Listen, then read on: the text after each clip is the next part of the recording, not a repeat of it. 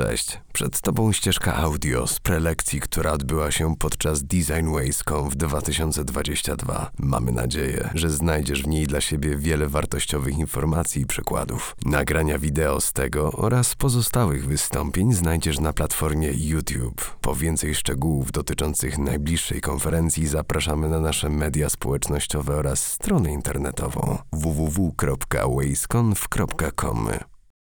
Chcemy wszystkich bardzo serdecznie przywitać.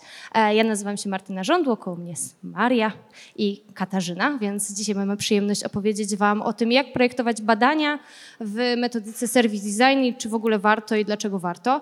E, No i e, pokrótce o nas, stanowiska już były.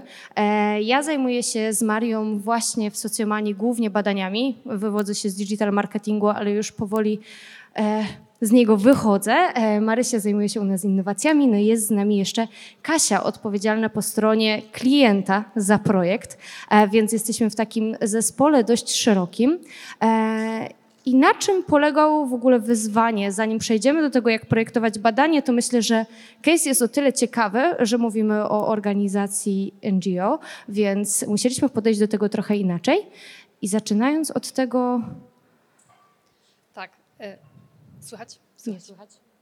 Nie słychać? Słychać. Słychać. Aha, dobrze. okej.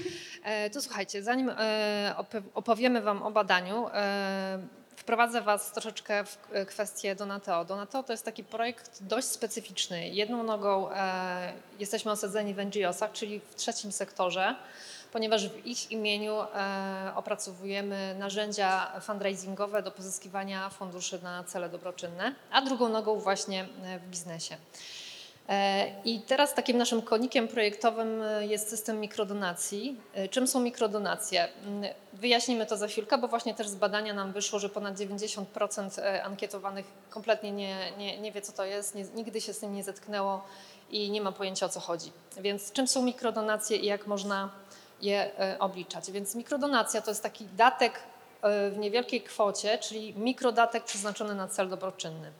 I celem tego mikrodatku nie jest e, mm, akcyjna pomoc, tylko taka e, długotrwała, e, cykliczna.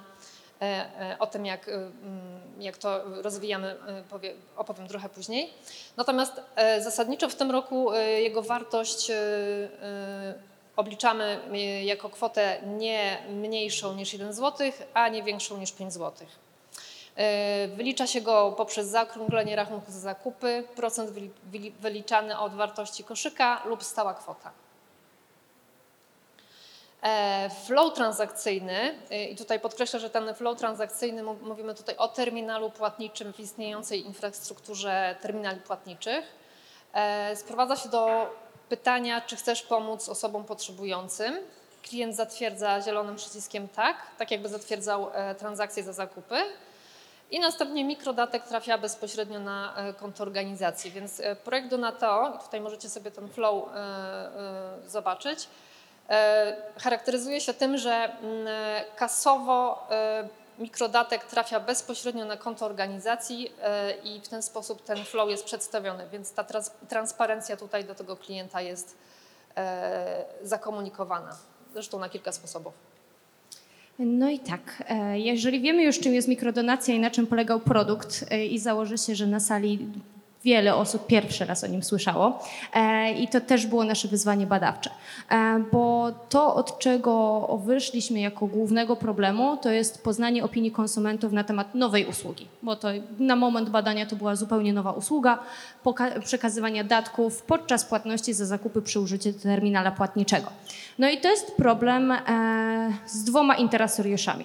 Bo pierwszym interesariuszem były same osoby, które te datki miały dawać, a drugim problemem były sieci handlowe, które miały zezwolić nam na wejście e, wewnątrz, e, aby móc e, tutaj w ogóle produkt wdrożyć i umożliwić ludziom pozostawienie takich datków.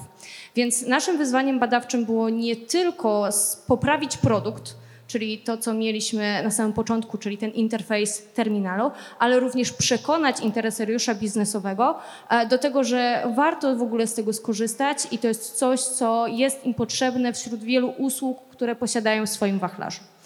E, No i Jakie były wyzwania już konkretnie badawcze? Konieczność przebadania dużej próbki badawczej, konieczność przedstawienia respondentowi samego produktu i usługi, bo jest to produkt zupełnie nowy i nieznany i nie da go się w łatwy sposób wyjaśnić jednym zdaniem, mówiąc, co sądzisz o mikrodonacjach.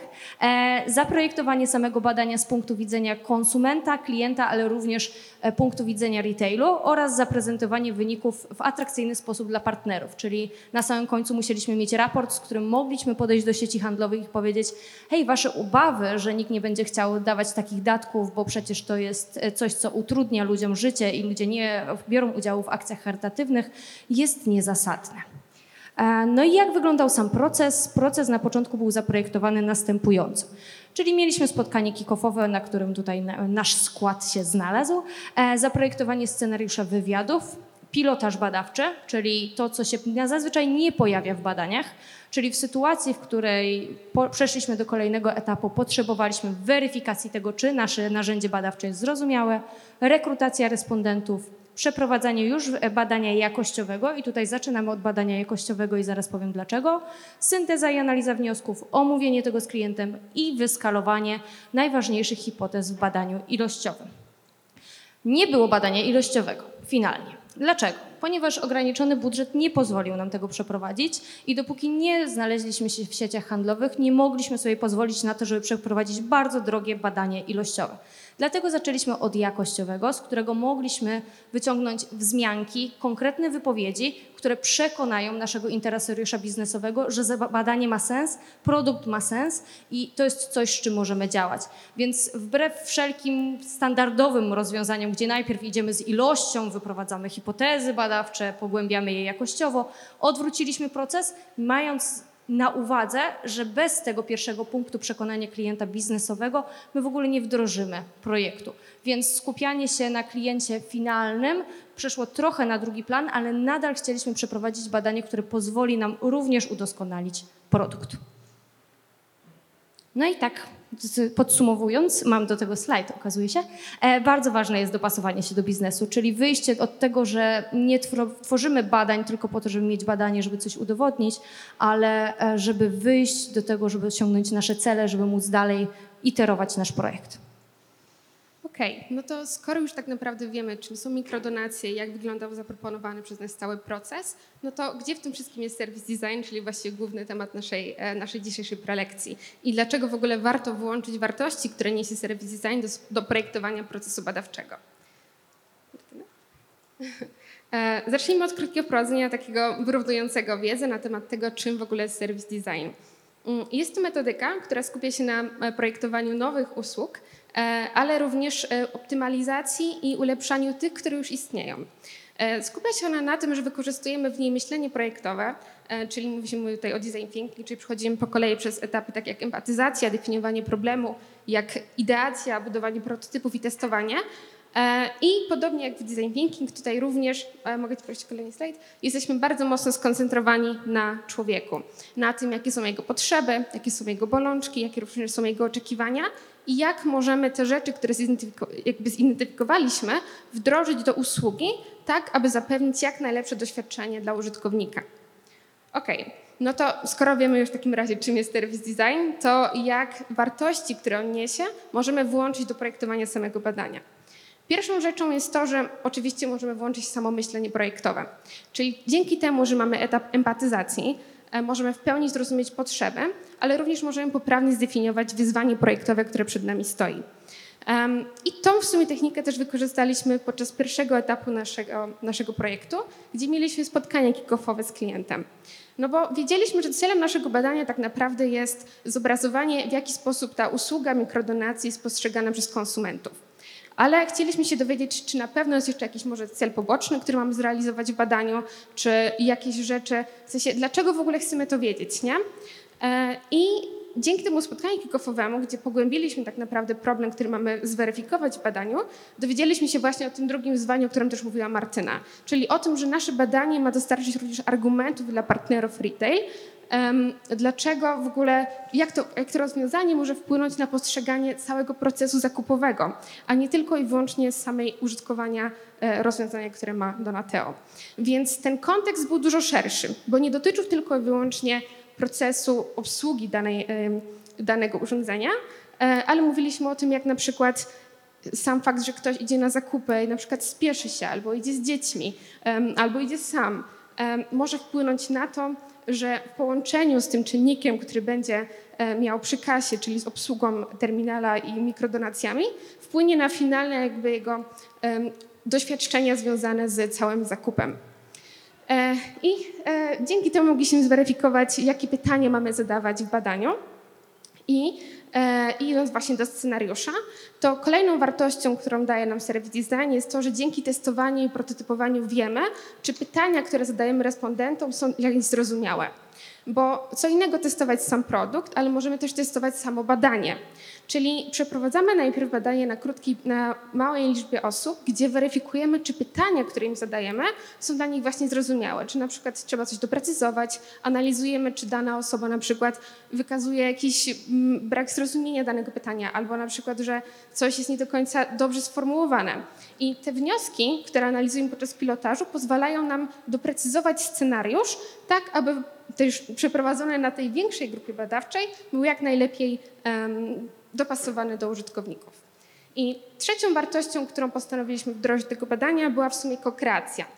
E, Kokreacja to jest bardzo ważna e, rzecz, jeżeli mówimy o procesie w ogóle projektowania usługi, gdzie stricte pytamy się użytkowników na temat tego, jakie oni tutaj widzą szanse, e, żeby dana usługa, jak ona mogłaby wyglądać, albo jak można by ją ulepszyć. I podczas właśnie projektowania scenariusza wzięliśmy to również pod uwagę, gdzie daliśmy przestrzeń respondentom na to, aby mogli się wypowiedzieć, jak oni tutaj na przykład widzą tą usługę, w sensie jak oni tutaj widzą pole na to, żeby ją dalej rozwijać. I to jest zawsze taki fajny moment e, podczas samego badania, gdzie użytkownicy często się otwierają i tworzą e, czasem nawet trochę szalone propozycje, gdzie, e, które mogą być potem trudne do wdrożenia, ale ten etap jest ważny, ponieważ mówi bezpośrednio nam tego, czego użytkownicy oczekują. Nie musimy się domyślać, oni sami mówią tego, co chcą.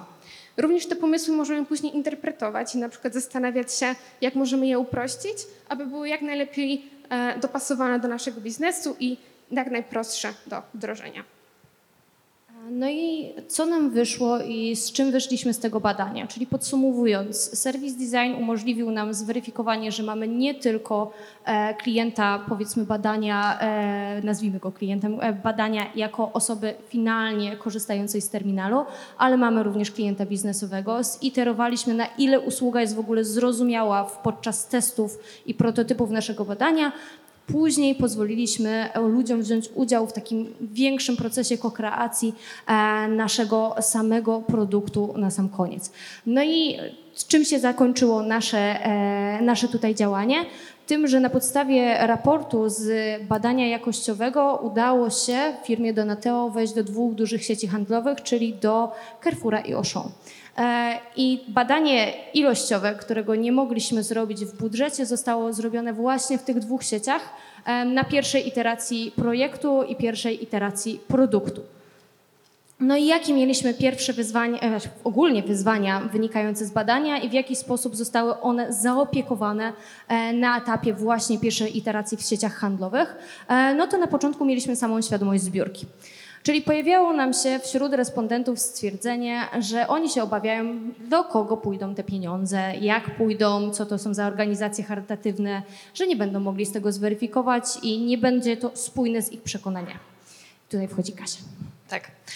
E, To, żeby też wprowadzić, e, zacznę od tego, że dla nas takim zerowym momentem, e, taki ze- zero moment of truth, to jest zetknięcie klienta z terminalem, czyli moment, kiedy on pod, podchodzi do terminala, wyciąga kartę albo smartfon i wtedy już musi mieć w głowie podjętą decyzję, czy chce przekazać ten mikrodatek, czy nie. Więc jakby my postawiliśmy proporcje e, naszych działań e, w ujęciu powiedzmy 70% komunikacji przed tym zerowym momentem, 20% w trakcie i 10% po. Teraz też po kolei będę tłumaczyła dlaczego.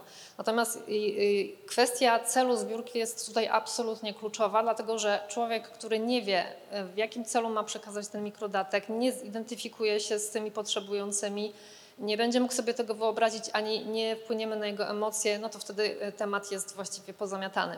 Więc jakby staraliśmy się w, zarówno w komunikacji online'owej, jak i offline'owej e, informować, jaki konkretnie cel przyświeca danej akcji i podbijać to odpowiednio e, innymi akcentami. Natomiast ten cel e, tutaj w przypadku na przykład e, Polskiej Akcji Humanitarnej to była pomoc dzieciom i osobom dorosłym z Ukrainy w momencie, kiedy jeszcze ten temat był dość no- nośny, w tym momencie się kończy.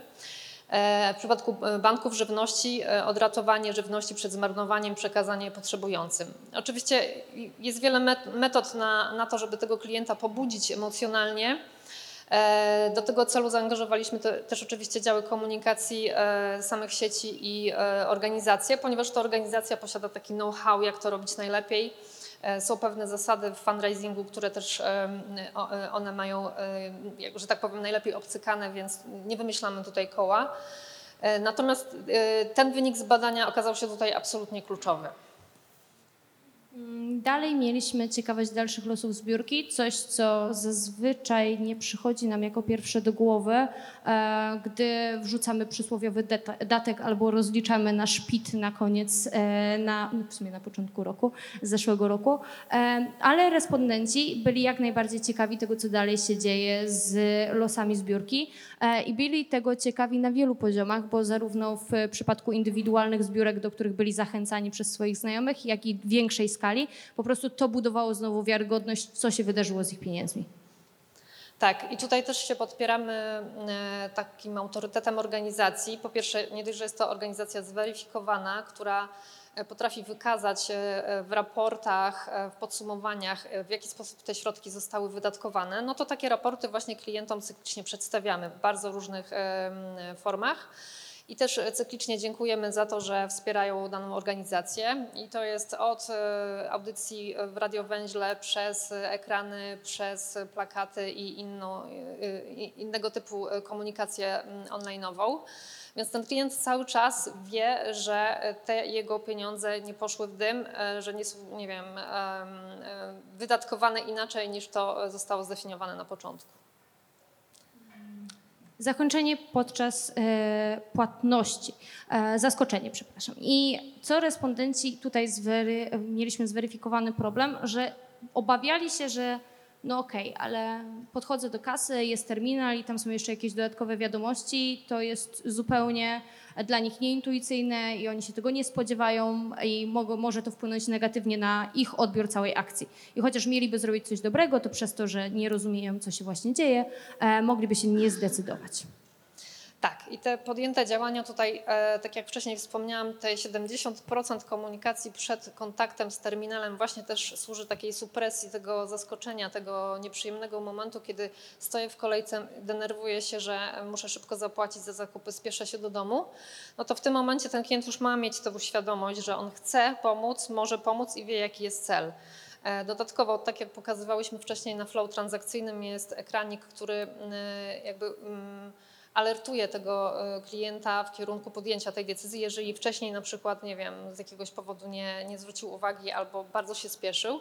Więc jakby i we flow transakcyjnym, i w komunikacji e, i e, jakby proporcji tej komunikacji w stosunku do tego momentu zerowego stawiamy na to, żeby ten klient nie był zaskoczony i nie miał takiego uczucia nieprzyjemnego. Generalnie staramy się całym tym procesie, żeby płatność i, ta decyzja była przyjemna, żeby ona nie była jakaś taka związana z, z, z utratą czasu albo z, jakimś nieprzyje, z jakąś nieprzyjemną, e, ciężką do wygenerowania decyzją. No i to bardzo mocno wiąże się z kolejnymi elementami, które wyszły nam w badaniu, które teraz będziemy omawiać. I pierwszym z nich jest czytelność wyświetlanych informacji. E, bo terminal, wszyscy wiemy jak wygląda i jest bardzo duża obawa o to, że wyświetlacz jest mały, nie będę e, widział, widziała, co się na nim wyświetla. Zwłaszcza w grupie respondentów 65+, wybrzmiało tak, no ale to jest zbyt mały ekran, żebyśmy mogli o czymkolwiek zdecydować.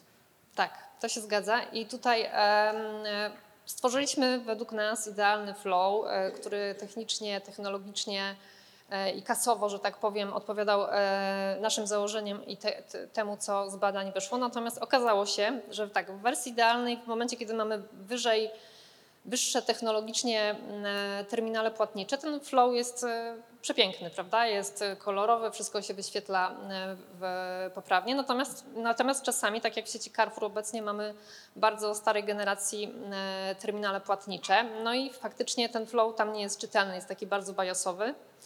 W związku z tym zastosowaliśmy też komunikację obok terminali, takie e, etykiety, które wskazywały e, z taką preselekcją powiedzmy na e, zielony przycisk tak, po to, żeby ten klient miał ułatwioną decyzję i nie, czuł się nagabywany i nie czuł się oszukiwany przez to, że ten flow nie jest do końca czytelny.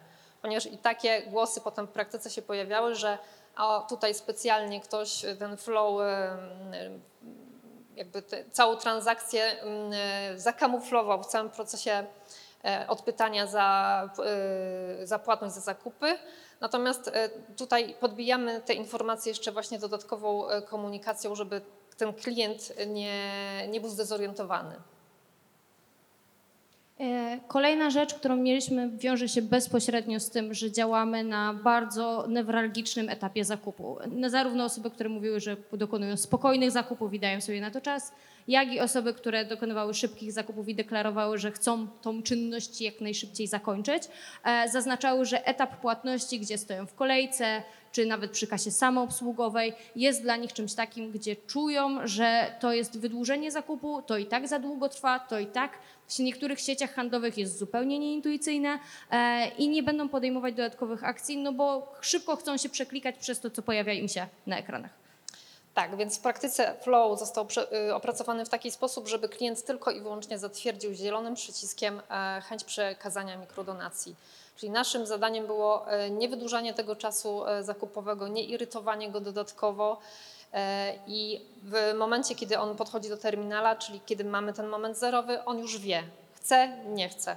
I w związku z tym nie czuje, że to jest utrata czasu, bo już wie, jaką decyzję ma podjąć. Plus dodatkowo, tak jak wspomniałam wcześniej, e, etykiety stosowane przy terminalach też wskazują mu, co ma e, zrobić, jeżeli e, miał tu jakiekolwiek wątpliwości. I kolejna, kolejny element, którym bardzo mocno wypłynął w badaniu, to był znikomy kontakt z terminalem, czyli nasze główne narzędzie do zbiórek i coś, nad czym się bardzo mocno skupialiśmy, jak to usprawnić. E, Jest obciążony również tym, że ludzie zwracają na niego uwagę dopiero jak muszą wpisać PIN. E, A coraz rzadziej w młodszej grupie pojawiają się jeszcze e, płatności smartfonami bądź smartwatchami i oni już zupełnie nie zwracają uwagi na terminal. E, Więc to, był też, to było też bardzo duże wyzwanie badawcze, no bo nagle i z projekt, do projektowania produktu, bo nagle my na nich wymuszamy tą aktywność z terminalem, której oni nie zwykli mieć. Tak, i e, słuchajcie, rzecz taka ciekawa wyszła, że na początku mieliśmy niesamowicie wysoką konwersję. Nie mogę powiedzieć jaką, bo to są takie dane, których wolałabym tutaj nie udostępniać. Natomiast była niesamowicie wysoka, byliśmy w szoku. E, Systemowo cała komunikacja jeszcze nie weszła. Okazało się, że ludzie po prostu intuicyjnie, nie patrząc na terminal, klikali na zielony i ten mikrodatek był e, ściągany z karty. Więc potem były reklamacje. W związku z tym to działało im plus, ale działało też in minus, ponieważ też nie chcieliśmy, żeby sieć e, miała z tym problem i e, my mieliśmy dużo zamieszania w związku z tym. I na początku prawie szampana otwieraliśmy, bo byliśmy w totalnym szoku. Stwierdziliśmy, że Polacy są super hojni, fantastycznie, nic nie musimy robić, komunikacja nie jest potrzebna. No ale tu się okazało, że jest taki ząg. No i ten ząg rozwiązaliśmy po prostu komunikując y, klarownie temu klientowi, oprócz tego, że wiesz jaki jest cel, wiesz, że ma być to płatność bezgotówkowa, to ten zielony przycisk jest tutaj y, determinujący, że jeżeli go wciśniesz, to znaczy, że przekazujesz kliencie bądź świadom. W związku z tym my przekierowujemy z powrotem tą uwagę klienta na terminal płatniczy. Y, I w rezultacie on podejmuje taką decyzję świadomą i e, ten rating powiedzmy tych reklamacji w związku z tymi pomyłkami zdecydowanie spadł. No i preferowana kwota mikrodonacji. To było pytanie badawcze, które było dla nas niezwykle istotne, e, bo nie wiedzieliśmy, czy powinno to być stała kwota, czy to powinno być 5 zł, 2 zł, złotówka, czy to powinno być zaokrąglenie rachunku do 5 zł. E, I to pytanie pojawiło się w badaniu na grupie, co prawda jakościowej, więc niewielkiej, bo zamknęliśmy się w około 50 respondentach, ale po pierwszej iteracji okazało się, że było wyjątkowo trafne. Tak. I to był. e, Właściwie to teraz możemy stwierdzić, że to jest dość szokująco trafne, dlatego że w tym momencie w e, sieci Carrefour mamy pełne 2 zł mikrodatku e, i to się sprawdza o wiele gorzej niż zaokrąglenie rachunku. I to nas zastanawiało, dlatego że myśleliśmy, że ludzie będą musieli kalkulować w głowie właściwie to zaokrąglenie, to jak to będzie, to jak to wyjdzie na tym e, paragonie czy mm, potwierdzeniu fiskalnym i że będzie ich to irytowało, że muszą po prostu kalkulować w- głowie, ale okazało się, że to jest o wiele bardziej skuteczne, ponieważ e, dla ludzi nie ma większej różnicy, mm, e, nie wiem, między dwoma złotymi, dwoma 50 a 3 i tak naprawdę ta kwota okazała się najbardziej jakby skuteczna co do rezultatów, o których też za chwilę powiem. No i dlaczego warto było zastosować serwis design? Bo to są te główne punkty, bulety, które chcieliśmy pokazać po badaniu. Bo łącząc te kompetencje badawcze z kompetencjami do projektowania, mogliśmy opracować takie badanie jakościowe, które pozwoliło wyłapać te najważniejsze punkty i jeszcze przed pierwszą iteracją w sieciach handlowych wprowadzić rozwiązania na te najważniejsze bolączki. Teraz oczywiście nadal pojawiają się usprawnienia, o których e, więcej powie Kasia, ale nie mamy tego momentu, gdzie e, jest bardzo duże wycofanie akcji i akcja nadal trwa i się skaluje razem z sieciami, czyli nie ma wycofania po pierwszej iteracji stwierdzenia, to nie działa, to irytuje klientów, nie chcemy z tego z wami robić, ale nadal e, biznesowo może się to rozwijać. Tak, e, w tym momencie biznesowo wygląda to w ten sposób. Biznesowo też dla organizacji e, pozarząd- pozarządowych, które były beneficjentami tych dwóch pierwszych akcji. E, One wciąż trwają. W sieci Carrefour i Auchan sumarycznie zebraliśmy milion złotych w ciągu dwóch miesięcy. E, Klienci okazali się faktycznie hojni, faktycznie otwarci. E, e, Momentów takich kryzysowych było też niemało i bardzo szybko reagowaliśmy na nie odpowiednią komunikacją, uzupełniając po prostu te braki, które nam po prostu wyszły w praktyce. I tutaj też pojawia się temat tego badania ilościowego, którego nie zrobiliśmy i dzięki, dzięki temu badaniu być może nie byłoby to konieczne, no ale po prostu poszliśmy na żywioł. I w związku z tym efektem jest to, e, jakby my zawsze patrzymy na to e, pod kątem tego, jaki efekt to daje tym organizacjom pozarządowym. No to na przykład banki żywności mo, mogły odratować e, półtora miliona mm, ton, pół- półtorej tony, przepraszam, e, m, e, m, żywności, co dla nas jest jakimś tam sukcesem mierzalnym, bo to jest taki przelicznik fundraisingowy. Natomiast Polska Akcja Hum- Humanitarna może przygotować 2000 pakietów żywnościowych i e, higienicznych dla osób potrzebujących. Więc to, to w tym całym procesie po dwóch miesiącach, począwszy od badania, liczy się dla nas najbardziej. E, I co ważne, ta akcja będzie kontynuowana w tych dwóch sieciach, plus będziemy to skalować oczywiście też do innych e, sieci retailowych. E, No i idziemy w kierunku generalnie e, takiego mm, rozwoju e, systemu mikrodonacji w Polsce i takiego jakby uplasowania go jako y, temat ciągły, nieakcyjny, po to, żeby budować pewne określone zachowania tych konsumentów w kierunku wspierania organizacji pozarządowych, czyli cyklicznego wspierania małymi datkami, czyli mikrodonacjami. Bo tutaj kontekst, o którym też nie wspomniałyśmy na samym początku, jest bardzo ważny. E, Zmieniają się zasady podatkowe, zmieniają się zasady e, rozliczeń i ten 1%, który oddawaliśmy od naszego podatku, z naszej perspektywy może być mało znaczący, bo nie rozliczamy tego w jakiś sposób, nie myślimy o tym, e, a od zmian w systemie podatkowym on jest mniejszy. Więc te mikrodonacje pozwalają nam uzupełnić tą trochę dziurę budżetową, która tworzy się w fundacjach i pozwala w łatwy sposób nam wspierać cyklicznie e, kwotami, których teoretycznie nie poczujemy w naszym portfelu dość mocno. E, oczywiście podczas badania mieliśmy również respondentów, którzy przeliczali 3 zł raz zakupy e, na miesiąc i liczyli, ile dają na fundacje charytatywne. Oczywiście, że takich mieliśmy, ale była to zdecydowana mniejszość.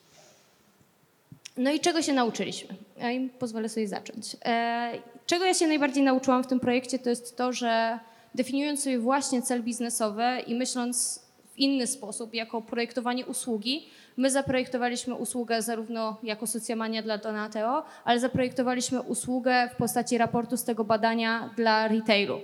E, I tutaj kryje się ta humanocentryczność, o której zwy- zazwyczaj zapominamy. W kliencie biznesowym też jest człowiek, który ma swoje obawy, swoje przekonania. I my mapując sobie nasze problemy badawcze, zmapowaliśmy sobie problemy badawcze, które przekazała nam Kasia z pierwszych rozmów z retailem. Czyli tam były osoby przekonane, że to nie ma prawa zadziałać, przekonane o tym, że nikt nie będzie chciał dawać mikrodonacji, że to zniszczy proces zakupowy i że ludzie będą oburzeni. E, oczywiście ludzie są oburzeni robiąc zakupy stacjonarne, ale nie na mikrodonacje, a wiele innych rzeczy. Więc dla nas to był argument o sensowności projektu, ale znowu musieliśmy zmienić orientację na to, że po stronie biznesu też jest człowiek i na tym człowieku się skupić. E, Z mojej strony najbardziej takie, e, bardziej już trochę operacyjne doświadczenie, którego jakby chciałabym się nauczyć więcej, to fakt tego, że często prowadzimy badania e, w kilka osób i każdy z nas jest inny, każdy z nas ma trochę inne kompetencje, trochę inne przekonania i zwraca uwagę na inne aspekty. I jeżeli mamy różny zes- zespół badawczy, mm, to możliwe, że my będziemy mieć trochę inne, jakby zaburzone delikatnie badania przez to, że ktoś może zwrócić uwagę na inne rzeczy. Tak więc sam system w ogóle gromadzenia danych, który przeprowadzamy e, z wywiadów e, i sam system tego, w jaki sposób pytamy, aby te pytania za każdym razem były zadawane w taki sam sposób i również, żeby były na przykład didaskalia, które opisują, na co warto zwrócić uwagę, kiedy pytamy o daną rzecz, to było dla mnie takie y, najbardziej wartościowe, żeby faktycznie sprawić, żeby te badania były jak najbardziej miarodajne. E, Dla mnie to właściwie już nie jest przyszłość, tylko teraźniejszość, bo tak naprawdę e, ja się nauczyłam e, i bardzo szybko wyłapałam, w jaki sposób przygotować no, taki plan, taką mapę drogową takiego wdrożenia. I to mi zaoszczędziło po prostu dużo czasu i nerwów na szukanie w ciemno, co właściwie powinnam zrobić, jakie powinniśmy tutaj przedsięwziąć kroki, żeby to wdrożenie było skuteczne. E, Oczywiście po drodze, tak jak mówię, pojawiły się jeszcze jakieś tam delikatne zągi, o których nie wiedzieliśmy wcześniej, nie przewidzieliśmy tego, nie mogliśmy tego wiedzieć. Natomiast e, na przyszłość e, właśnie też wiem, że wdrożenie nowego produktu, którym, który, nawet jeżeli jest dobroczynny, musi być poprzedzone badaniami, bo bez tego po prostu tracimy mnóstwo czasu i posługujemy się, nie wiem, na bazie jakiejś tam swojej klątwy wiedzy bardzo błędnymi przesłankami, które mogą nas wyprowadzić na manowce. E, I dodam jeszcze, że ten e, temat, czyli aplikacja, którą widzieliście przed chwilą na terminalu, jest też testowana obecnie w e-commerce, więc te wnioski z tego badania też nam częściowo służą. Tu oczywiście był, była kwestia terminalu, no ale część elementów takich jak cel, podziękowanie, raportowanie, informowanie o dalszych losach e, zbiórki też jakby są ważne i potrzebne tutaj do zakomunikowania. No i to jest, tak podsumowując, e, dlaczego warto. Po pierwsze, jest to dla nas nauka, ale z drugiej strony pozwoliło nam to stworzyć produkt, który działa i który realnie ma szansę pomóc konkretnym osobom. Oczywiście cel mieliśmy szczytny, e, więc dużo łatwiej i dużo przyjemniej pewne rzeczy się projektuje, gdy myśli się o tym, że na sam koniec dnia realnie pomoże się pewnym grupom osób, e, ale zastosowanie tej, e, tej metodyki w naszych codziennych działaniach weszło nam w krew, też możemy z Marią powiedzieć, e, więc w ten sposób podejście do badania, to jest, w ten sposób podchodząc do badania, to jest coś, co na pewno wdrażamy na stałe u nas w organizacji. Dziękujemy. Dzięki. Dziękujemy bardzo za ciekawą prezentację, ale jestem pewna, że tutaj na sali są jakieś pytania. E, Kto ma pytanie, ręka w górę? Kasia tutaj z przodu. Hej, e, wspomniałyście o tym, że e, był taki problem, takie zagrożenie z tymi terminalami na przykład, że one mogą być przestarzałe i źle wyświetlać komunikaty.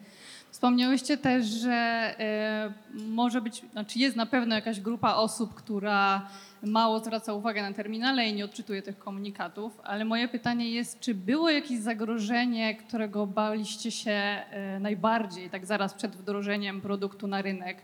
Czy zdawałyście sobie sprawę z tego, że może wystąpić coś, na co nie macie wpływu, a miałoby taki realny wpływ na sukces tego projektu? Może ja po badaniach, a Kasia ty u siebie wewnętrznie. E, my to badanie wykonywaliśmy w dość gorącym okresie i nasza obawa była taka, że ludzie będą teraz wystymulowani mm, dobroczynnie, e, a po dwóch miesiącach e, to przepadnie i nie będą tym zainteresowani. E, To była moja główna obawa jako badacza, bo akurat nam się pokryło, pokryło badanie. Rozpoczynaliśmy jeszcze zanim sytuacja była, e, była dość newralgiczna, e, a kończyliśmy już w tej sytuacji z ostatnimi respondentami, gdzie oni zupełnie inaczej patrzyli na akcje humanitarne. Więc z mojej perspektywy ten kontekst momentu, w którym robiliśmy to badanie, ja miałam dużą obawę, że mamy zaburzone wyniki.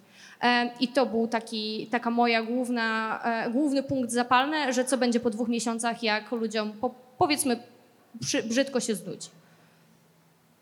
Tak, a y, ja mogę powiedzieć, że z naszej perspektywy my się obawialiśmy y, o to, że y, brak tego badania ilościowego, które da nam jeszcze szerszy obraz, jeszcze więcej takich bardzo twardych danych, wpłynie na to, że troszeczkę błędnie pojmiemy, będziemy pojmować albo błędnie skonstruujemy em, strategię wdrożenia. I to było taką moją osobistą obawą. Natomiast potem poszliśmy na żywioł. E, Baliśmy się też reakcji niektórych e, klientów, e, ponieważ no, z klientami trzeba bardzo delikatnie, zwłaszcza retailu, ponieważ potrafią bardzo szybko pójść do mediów społecznościowych i zacząć mówić o kradzieżach z karty i tak dalej, i tak co zresztą teraz ma miejsce.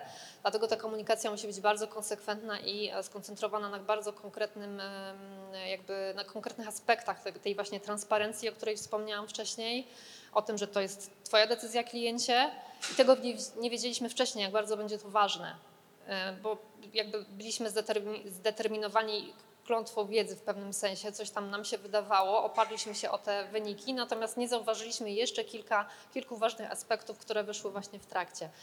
Naszą obawą było to, że retail odniesie się do tego negatywnie, ponieważ potem to ich agencje PR-owe muszą się, muszą się z tego tłumaczyć, a my jesteśmy tylko dostawcą technologii. I potem tak naprawdę wyłączą nas za chwilę e, e, i to były nasze główne obawy. Natomiast dzięki takiej skutecznej komunikacji, współpracy między organizacją, która daje to know-how, nami, którzy to koordynujemy i jakby łączymy te kropki, a e, działami komunikacji CSR-u tych sieci udało nam się po prostu te mm, dziury załatać i, i teraz to hula. To ja może nawiązując tutaj zadam pytanie jedno z online'a, bo mówiłaś o tym, że retail, retail ma obawy i właśnie jest tutaj pytanie. Skoro retail obawiał się, że proces zakupowy stanie się irytujący, jaka wartość dla nich przekonała ich do współpracy? E, CSR-owa i PR-owa. To jest bardzo ważne teraz, e, zwłaszcza dla niektórych sieci, które e, po prostu konsekwentnie realizują e, działania e, CSR-owe. My po prostu dostarczamy gotowe narzędzie. Ono jest bezkosztowe, jeżeli chodzi o wdrożenie. Retail za to nic nie płaci. Retail, retail ma praktycznie te aplikacje za darmo, my to koordynujemy, my się tym opiekujemy technologicznie, my e, jakby Dbamy o to, żeby e, cały flow transakcyjny i cały przebieg e, e, transakcji przebiegał bez szwanku dla ich systemów em, kasowych i dla całej technologii tych terminali płatniczych. Więc tak naprawdę my bierzemy na siebie całość. Plus PR, no zdecydowanie in plus. To, to są też tematy, które można potem umieszczać w raportach zrównowa- zrównoważonego rozwoju. E, Jest to też taki bardzo fajny element do angażowania pracowników, bo tutaj jeszcze mm, o takiej rzeczy nie powiedziałam, zabrakło czasu, że e, angażujemy też kasjerów e, w to, żeby mm, bardziej, mm, jakby może dobra, nie, nie tyle aktywnie udzielali informacji na temat akcji, bo oni generalnie nie mają na to czasu, mają swoje KPI. -e. E, Natomiast mamy też taki pomysł, żeby w przyszłości e, zaproponować im, pracownikom, żeby zgłaszali swoje organizacje, jeżeli widzą ze swojego lokalnego otoczenia m, takie, które mogłyby być beneficjentami. Więc generalnie to jest też taki element e, lojalizujący i pracowników, i klientów. Mhm, Dziękuję bardzo. Teraz na pewno tutaj mamy pytania z sali, bo jeszcze widziałam kilka rąk. To proszę bardzo. Tak, to ja chciałam zadać pytanie, bo mm, przyznam, że trochę odebrałam Waszą prezentację jako tłumaczenie się, dlaczego zrobiłyście produkt, który w badaniach początkowych wyszedł, że tak naprawdę no, raczej został odebrany tak powiedzmy negatywnie. I e, jako tłumaczenie się, dlaczego go postanowiłyście jednak e, sfinalizować. Natomiast przyznam, że ja jakby nie widzę odpowiedzi na to pytanie i też przyznam, że spotkałam się z waszą, e, z, jakby na terminalach z możliwością jakby donacji i, i jestem jednym właśnie z tych użytkowników, którzy są raczej no jakby nie podoba mi się to i, i, i przyznam, że jest to coś, co faktycznie wydłuża moje zakupy. E, I, I nie zauważyłam nigdy miejsca, gdzie jakby odniesienia do tego, gdzie mogę znaleźć informacje jakby o tym, gdzie te pieniądze idą realnie, gdzie pomagają, co się z tym dzieje. I tak się zastanawiam, jakby, jak to troszeczkę wygląda z Waszej perspektywy i dlaczego podjęłyście decyzję o tym, żeby e, zrobić jakby Donateo, mimo że wyszło Wam, że tak naprawdę to nie powinno wyjść. E, Może zacznijmy od tego, że nie wyszło nam, że nie powinno wyjść. Wyszły nam obawy z procesu zakupowego, które na początku ta aplikacja wyglądała zupełnie inaczej. Jak dostaliśmy pierwsze flow, ono było dużo dłuższe, więc ono zostało tak czy tak skrócone, a sama chęć dobroczynności i mikrodonacji wyszła nam praktycznie z całej grupy, E, więc to było tak, że potrzeba jest, żeby coś takiego istniało, tylko musieliśmy dos- to dostosować e, i tutaj była e, po stronie Donateo już optymalizacja tego, że to po prostu nie może tak wyglądać, jak teraz wygląda. E, No i myślę, że tutaj mogę oddać głos Kasi, dlaczego to wygląda tak, jak wygląda. Tak, więc zacznę od tego, że nigdy w 100% nikogo nie zadowolimy. Zrobiliśmy po prostu optimum między technologią, która była nam jakby zadana, czyli infrastruktura terminali posiada określoną wielkość w pikselach. E, Musimy się wpasować we flow, musimy e, zrobić to szybko, a musimy jednocześnie odseparować e, kasowo, fiskalnie ten mikrodatek od, tego, od tej głównej płatności versus musimy zakomunikować, gdzie wiecie, jak wyglądają sklepy, gdzie po prostu jest wszystko, mydło, powidło i tak dalej i właściwie ciężko rozpoznać, ciężko wyłowić odpowiednie komunikaty. I być może ciebie to zapytanie zirytowało, ponieważ się nie identyfikowałaś albo nie trafiłaś e, e, w informacje e, na temat celu. Być może to zostało źle zakomunikowane. Być może były tutaj jakieś jeszcze inne uwarunkowania. Natomiast fakt jest taki, że konwersja nam wskazuje, że przecież nie 100% osób, które dokonują transakcji w danym dniu, płaci ten mikrodatek. Nie, nie wszystkich to jara, nie, nie wszyscy tego potrzebują. My wychodzimy naprzeciw tym osobom, które używają płatności bezgotówkowych i chcą wspierać daną organizację. I dlatego ten cel tutaj komunikujemy. I na przykład ja mam osobiście tak, że y, nie wiem, hipotetycznie e, mogę przekazać, e, daję przykład, mogę przekazać e, na dzieci, ale już nie przekażę na odratowanie żywności, bo mi się wydaje, że można to robić na inne sposoby. Daję tutaj absolutnie przykład. Więc to jakby nigdy nie będzie tak, że zadowolimy żadną nową usługą w 100% nikogo. E, I ja- jakby dane, które dotyczą też takich stricte komercyjnych usług, też to potwierdzają, prawda, że zawsze znajdą się klienci, którzy będą niezadowoleni i coś ich będzie irytowało. Zrobiliśmy to w najbardziej optymalny z możliwych sposobów i dalej testujemy i dalej oczywiście ulepszamy. Dobrze, Dziękuję bardzo. Mamy jeszcze czas na jedno pytanie, także to będzie ostatnie już. Cześć, bardzo, bardzo ciekawa prezentacja i w ogóle produkt. E, Ja miałam taką obserwację, e, jako użytkownik e, sieci Carrefour zauważyłam, że kasjerzy bardzo często zanim przekażą terminal, klikają nie. Wiem. E, I e, chciałam spytać, czy w fazie empatyzacji przy e, projektowaniu e, miałyście e, też kasjera jako, jako taką osobę i też badałyście i czy, czy jakby też macie takie obserwacje z tych badań jakościowych, czy to dopiero później wyszło? To znaczy badania akurat nie obejmowały kasjerów, natomiast Tak, my ale kasjerzy nam wyszli w badaniach. To Ale było tak, tak. że ludzie sami o nich wspominali i tutaj możemy się podzielić inną statystyką, że ponad 70% osób, jeżeli ma taką szansę, unika kasjera i idzie do kasy samoobsługowej. E, Więc e, to jest tak, to jest newralgiczny punkt naszego procesu i ludzie sami sobie zdają sprawę z tego, jak newralgiczny to jest punkt procesu. Tak, ja tutaj akurat pomijam e, w tym całym procesie opowiadania o tym wszystkim kasjerów, dlatego że badanie dotyczyło tak naprawdę głównie tych klientów, ale warto o nich wspomnieć, bo tutaj naprawdę to jest bardzo ciężki temat. I tak jak wspominasz, wciskają ten czerwony jeszcze do tej pory. I e, z tego powodu uruchomiliśmy taką całą kampanię informowania ich e, wewnętrznie od webinarów przez e, jakieś tam instrukcje, po podziękowania, po jakieś drobne gifty takie niekorupcjogenne powiedzmy, po to, żeby ich obłaskawić. Bo też trochę, oprócz tego, że musieliśmy wejść w buty klienta, weszliśmy też w buty em, kasjerów, e, żeby w ogóle zrozumieć, w czym jest problem, dlaczego oni tak robią. I byliśmy na audytach i pytaliśmy, co się dzieje, dlaczego to robią. E, Tak troszkę próbowaliśmy ich em, wyczuć, w czym jest problem? No problem jest taki, że mają swoje KPI. -e. Oni muszą ilość jakąś tam transakcji dziennie wykonać. Jak tego nie wykonają, nie będą mieli premii. I dla nich każda dodatkowa usługa to jest po prostu rzecz upierdliwa. Tłumaczenie klientowi, czemu ma wcisnąć taki, a nie inny i tak dalej. Dlatego te 70% komunikacji ma załatwić sprawę w taki sposób, że ten ciężar decyzji i bycia doinformowanym spada na klienta.